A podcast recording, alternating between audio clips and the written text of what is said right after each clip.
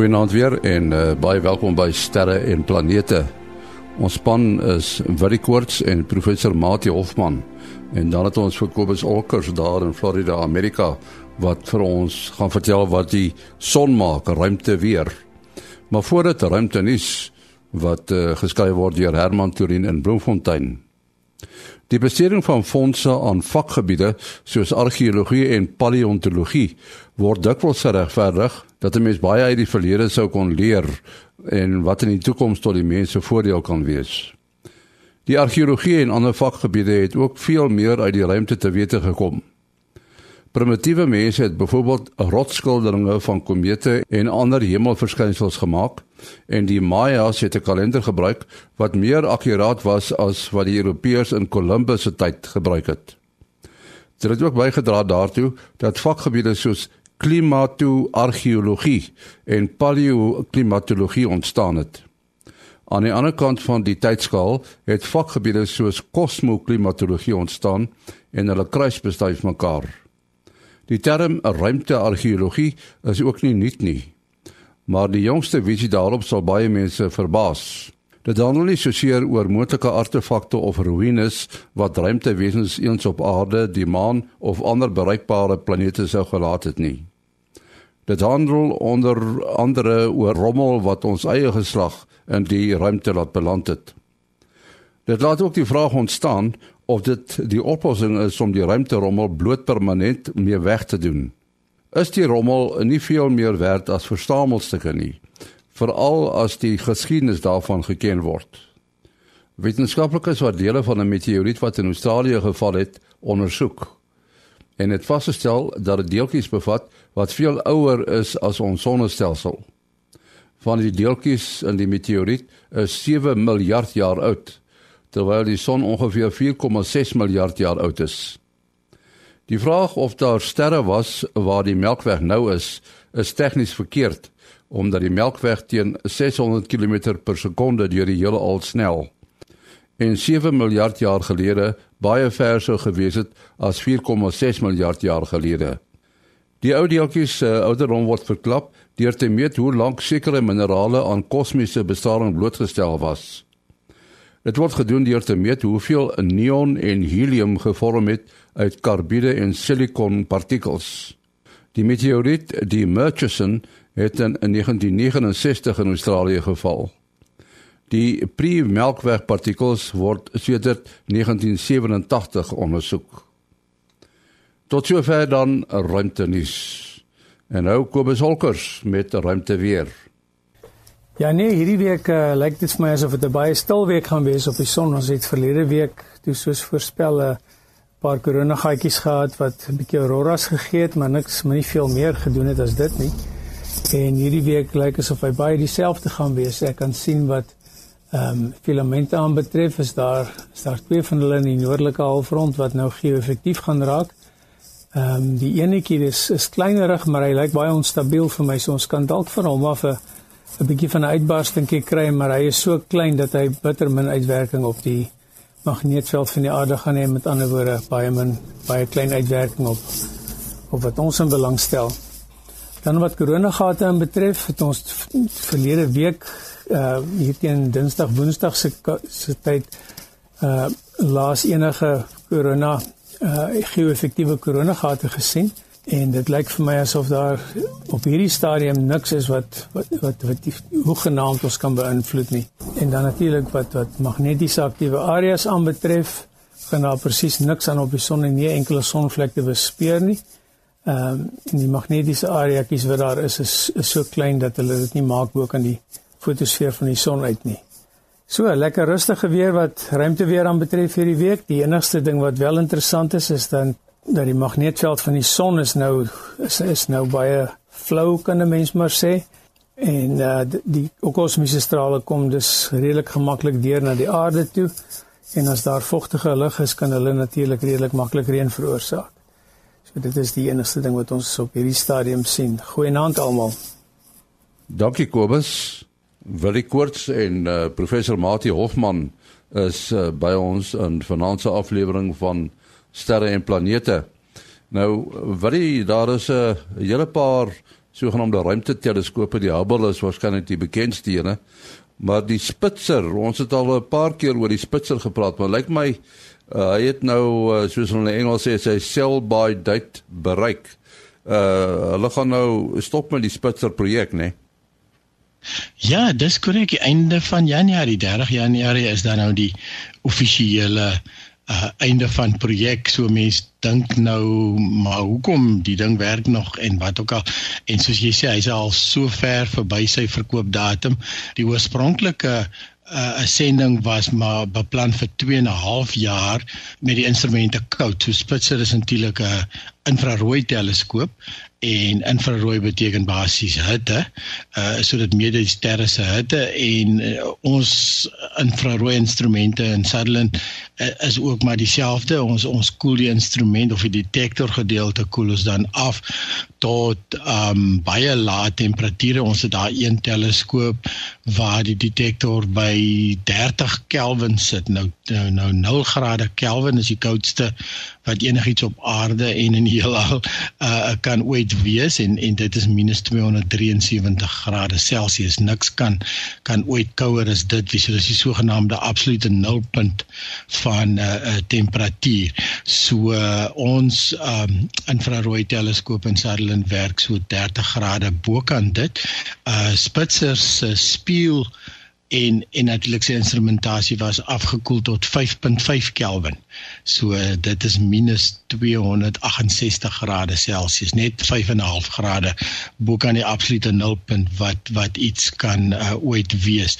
En vir 2.5 jaar het die vloeibare helium wat uh, die instrument afgekoel het en en dan die ook die spieël die spieël is so amper 'n meter so net so 3 kwart meter in deursnee uh van beryllium en die die spieël is ook afgekoel tot by daardie temperature en natuurlik 'n klompie van die instrumente het het toegewerk. So oorspronklik het hulle beplan die 2 en 'n half jaar en dan hulle 'n warm fase wat hulle geskat het so 5 jaar sal sal hou. Nou ja, sit nog 10 jaar by en dis waar ons nou trek. So oor die 16 jaar het het Spitzer nou gewerk en ongelooflike inligting vir ons ingewin um in in die tyd van Spitzer het uh iets soos eksoplanete planete rondom ander sterre het het dit al hoe meer prominent begin raak en en en Spitzer het uiteindelik in um in 'n in 'n 'n absolute ongelooflike stukkie gereedskap ontwikkel om selfs met die instrumente warm nou.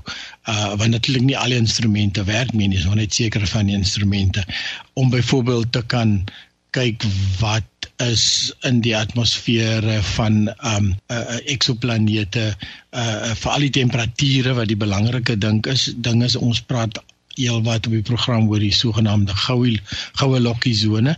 So uh, ons nou van goue lokkie se se pap wat te warm was en te koud was en toe was dit net die regte temperatuur en dit is natuurlik uh planete wat val in hierdie uh, area van 'n ster af waar dit nie te warm is om die water weg te kook nie en ook nie te koud is om alles dat alles gevries is nie. Uh en dit is dan die aarde is val presies in ons son se goue lokkie sone. Uh Mars val net so aan sy binnekant. Ons weet hierso by die aarde wat wat dit ook beteken vir vir lewe soos ons dit ken. So dit dit is 'n klomp werk. Ek dink iets soos 5 van die 7 planete wat baie soos die aarde is is is deur Spitzer ontdek. So ja, so uiteindelik na baie lang uh um tog het hulle nou besluit om om uiteindelik die die teleskoop af te skakel. So dit is ook soos jy sê die die een van die great observatories. Ek kan julle almal onthou nie soos jy sê Hubble is is een van hulle en dan was daar infrarooi wat nou Spitzer was. Daar was ultraviolet teleskope en en so voort. Chandra, so, dit is nog een. Chandra, ek, ek dink so, dis korrek. Ja, ja. So daar was so suite, ek dink daar was 5 van hulle wat die sogenaamde great observatories wat dan omtrent die die die die volle ligspektrum gedek het. So dit is definitief dan 'n einde van 'n era. Ja, jy praat nou so oor die ligspektrum. Miskien moet jy net verduidelik uh, ter wille van luisteraars wat nog nie verstaan nie. Wat is die verskil tussen infrarooi en dan die gewone lig wat ons kan sien? Infrarooi interessant genoeg is is ontdek uh, deur ehm um, uh, Isaac Newton en en hy het begin eksperimenteer. Hy hy wou die so as jy jou, jou lig 'n uh, sonlig opbreek in sy spektrum in in die reënboogkleure wat ons almal ken Um en en hy het uh, termometers gehou om te probeer kyk wat is die is daar verskil in die energie in sê maar van die rooi tot die tot die blou van 'n reënboog en en of die ultra en die, en die violet natuurlik nou as ek net sê blou bedoel ek nou die violet kant. As ek reg onthou hy nie 'n vreeslike verskil opgelet nie, maar toe sien hy so eentjie weg van die rooi af. Um hierso in in niemandsland kan jy maar amper sê het die termometer se temperatuur opgeskiet en en dit is natuurlik die infrarooi. So infra omdat ons hom nie kan sien met ons oog nie en natuurlik heeltemal aan die ander kant van die spektrum lê die weer die ultraviolet. So weer eens ultra want dit is buite ons ons oogse band. So ons ons oog sien uit die aard van die saak die die sigbare spektrum baie goed en dit is ook maar min of meer waar ons son se energie piek.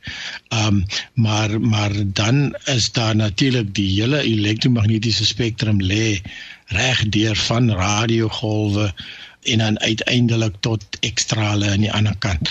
Die meeste van die goed word uit die hart van die saak deur die atmosfeer afgesny en selfs infrarooi ook. Ons nou sê hoekom kry ons warm op aarde, maar natuurlik die sigbare lig kom deur die atmosfeer baie maklik. Uh dit bak op die aarde en dieselfde met jou kar wat in die son staan, bak op die sitplekke, dit kom maklik deur die ruitte en dan verander dit in infrarooi en infrarooi uh glas is byvoorbeeld en 'n groot deelte van die atmosfeer is is is redelik ondeursigtig vir ultraviolet uh, vir infrarooi. En ook vir ultraviolet natuurlik dis hoekom jy nie sonbrand kry as jy nie sonrein uh, son deur die ry op jou arm skyn byvoorbeeld dan dan kry jy dat die hitte dat die hitte daar dan opbou binne in 'n motor of dan dan in 'n op die op die aardoppervlakte. En natuurlik 'n planeet soos Venus wat verder van die son af is as Mercurius. Mercurius sal ons dink sal die warmste planeet wees. Venus sit verder van die son af en is die warmste planeet omdat hy hierdie weghol baie dik dik atmosfeer en dan hy hierdie weghol 'n uh, kweekhuiseffek wat wat daar aan die gang is. Ja, so jy het dan dan die hele die hele spektrum en dan as jy dan 'n 'n teleskoop wil bou om byvoorbeeld ultraviolet of infrarooi ten, ten volle en natuurlik ekstrale en al hierdie ander goeders dan sal jy dit buite die atmosfeer plaas want die atmosfeer sny dit af en dis ook maar goed want dit is natuurlik wat ons beskerm hier op aarde en en seker maak ons word nie ons kry nie te veel ekstrale en gamma strale in die snaakse goeders op ons liggame nie Ja, en dan heeltemal 'n ander storie. Uh, baie van u het uh, al seker gehoor van die groot teleskoop op uh, Puerto Rico, uh, Arecibo. Ek dink hulle die teleskoop is 'n radioteleskoop gebruik in een van die James Bond flieks. Maar nou het China 'n groot een gaan bou, net die Fast. Ja, dis korrek, baie uh, uh baie opwindende projek. Ja, soos jy sê, die die die Arecibo is so iets soos 2 so eentjie oor die 200 meter in deursnee. Hy's in 'n in 'n in 'n natuurlike holte gebou wat natuurlik dit makliker maak want die teleskoop kyk dan net reguit op kan jy maar dink. Ehm um, want dit is dit is in hierdie in hierdie holte ingebou wat natuurlik ook goed werk om radio uh, syne af te skerm van die omgewing. So ons eie hartebes ook byvoorbeeld daar naby Kreersdorp lê ook in 'n in 'n natuurlike holte omring van van van koppies wat wat die wat die ehm um, radio uh, uh, golwe afsny en natuurlik dan dieselfde met SKA nou SKA is net is net amper kan jy maar sê in die middel van nêrens spesifiek omdat jy nie wil wil ander radio syne hê nie. Ja, so die fast teleskoop is in China gebou, ook in 'n in 'n baie onherbergsame uh ver van alles af plekkie. Daar's iets so 6 km of so, so 'n klein dorpie naby. Die skottel is 500 meter in deursnee. Heel interessant ook ook dan nou dieselfde prinsip soos wat Arecibo uh net reguit kan kan opkyk, maar die verskil uh, tussen die twee en en okay kom ons gaan vir 'n oomblik terug na SALT die groot teleskoop in Sutherland uh gebruik ook die Arecibo konsep om uh is is, is hoe hoe se lig versamel word. So SALT se speel en die Arecibo se 200 meter uh 'n skottel is sferies in vorm. 'n Sferiese teleskoop kom nie tot by 'n perfekte fokus nie. So dan het jy nou 'n soort van 'n korrektor nodig en dit sit op salt en en dan ook by die Arecibo. So so nou kry jy die aarde se draaiing wat natuurlik vir jou laat ander plekke kyk in die in die naghemel en dan om daardie bietjie wyer te maak, uh kan hulle dan die hele ontvanger rond beweeg en en dan dan kan jy aan die Arecibo skottel uh um, so 'n hele entjie vir julle 'n hele stukkie van die van die naghemel kan kan hy bekyk. Nou um uh, uh die die eintlike perfekte fokus van 'n teleskoop, 'n optiese teleskoop en ook 'n radioteleskoop is 'n paraboliese spieël as jou as jou um skottel parabolies is um, dan dan kom dit alles tot 'n perfekte fokus. En uh, dit is een van die interessanthede van van hierdie fast teleskoop is dat die die skotteloppervlak, die die ontvangsoppervlak van 500 meter deursnee nou uh, word vervorm om om 'n uh, om 'n om om om 'n parabool te vorm uh afhangende van waar jy gaan kyk op daardie spesifieke oomblik. So die die die skottel is ook baie dieper as die Arecibo.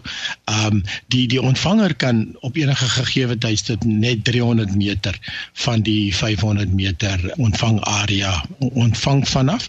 So maar dit maak hom nog altyd iets soos 3 maal meer meer sensitief.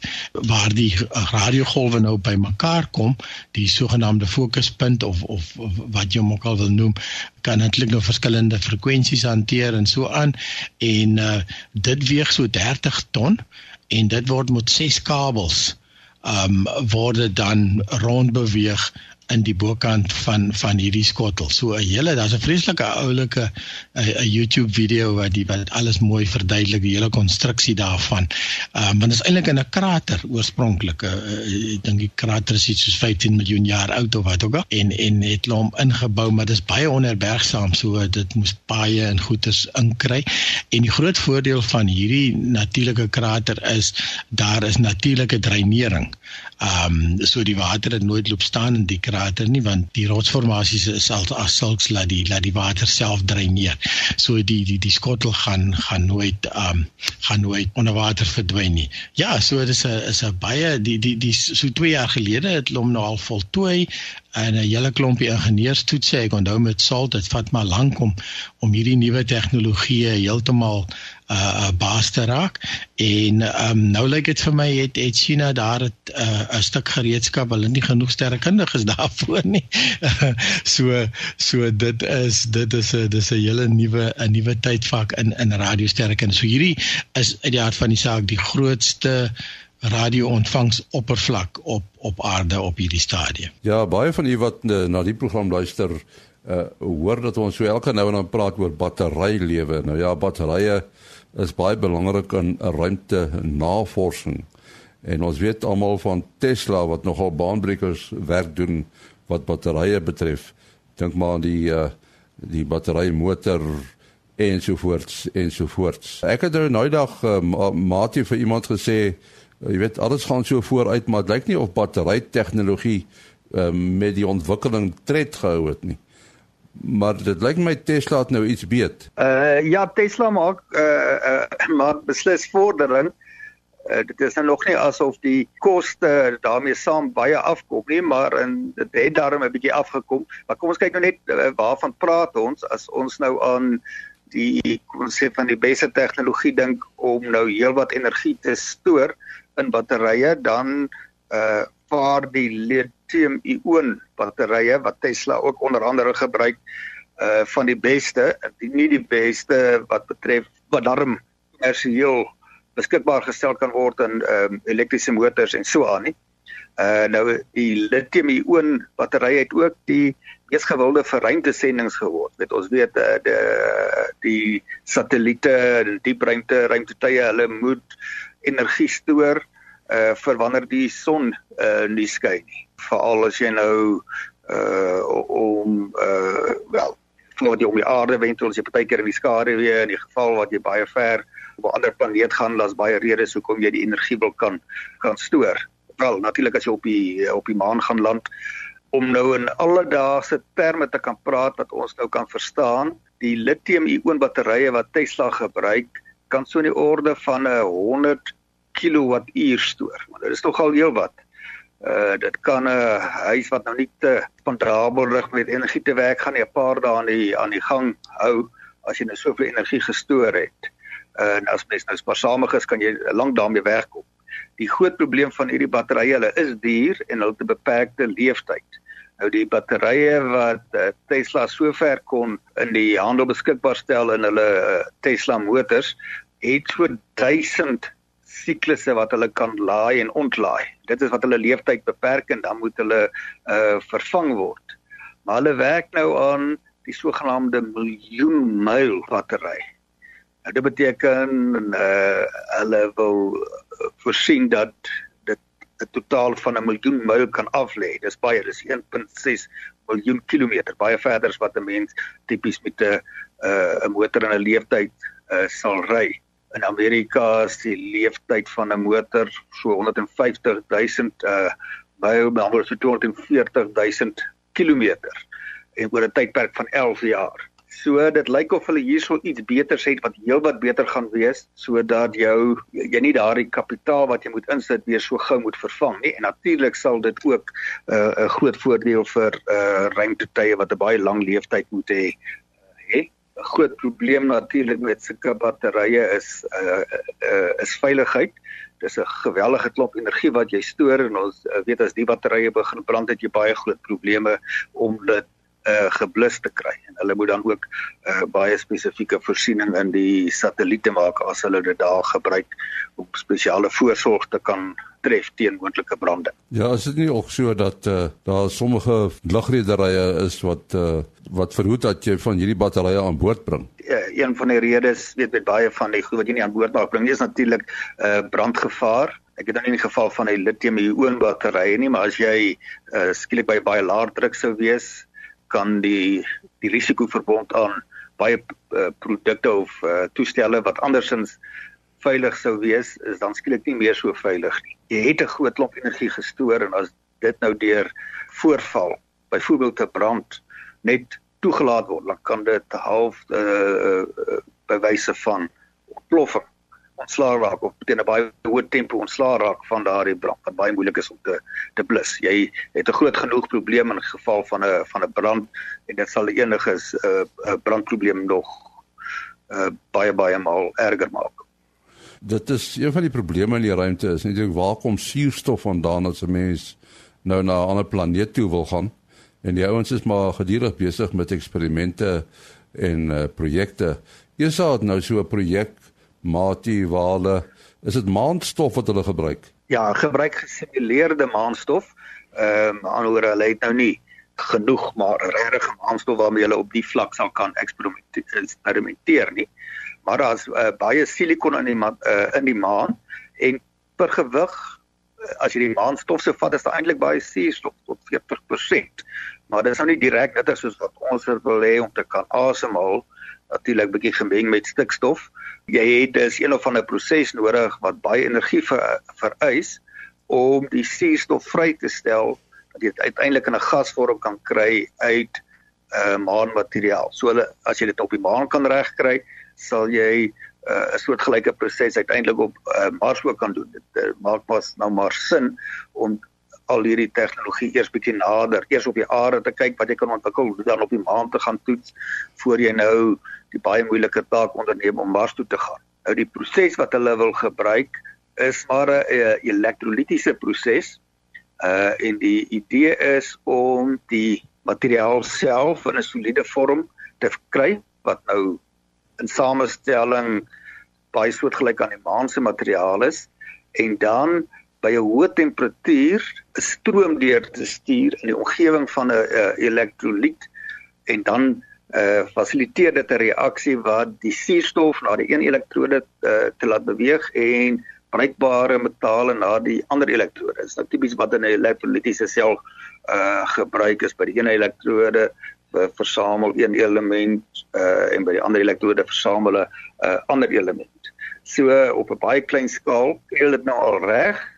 Die die uitdaging is om dit met by laer temperature met minder energie te kan regkry. Mens kan nou dink as jy 'n uh, uh, dit op die maan wil gaan toepas dan help dit nou nie. Jy het 'n uh, geweldige groot installasie nodig om 'n klein bietjie suurstof te kry. Dit gaan net nie prakties moontlik of ekonomies haalbaar wees om dit te doen. So jy moet die proses heeltemal optimeer en kyk hoe jy dit met al minder energie kan regkry deur sê 'n bietjie met die samestelling van die elektrodes te te kan uh, eksperimenteer.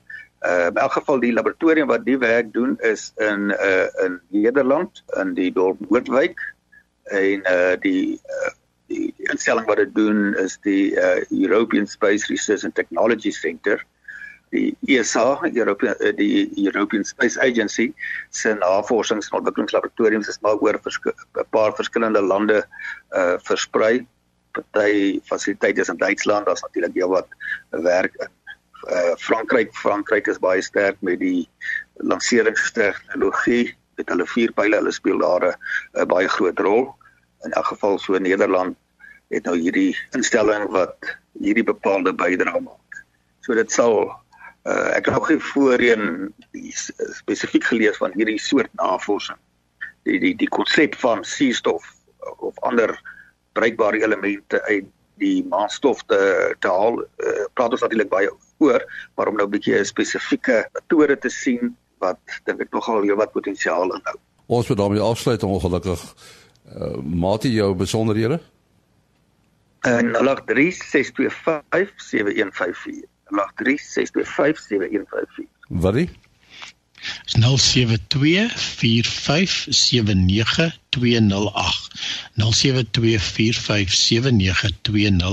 En dan my e-posadres maas.henny@gmail.com maas.henny@gmail.com Tot volgende week. Alles van die beste.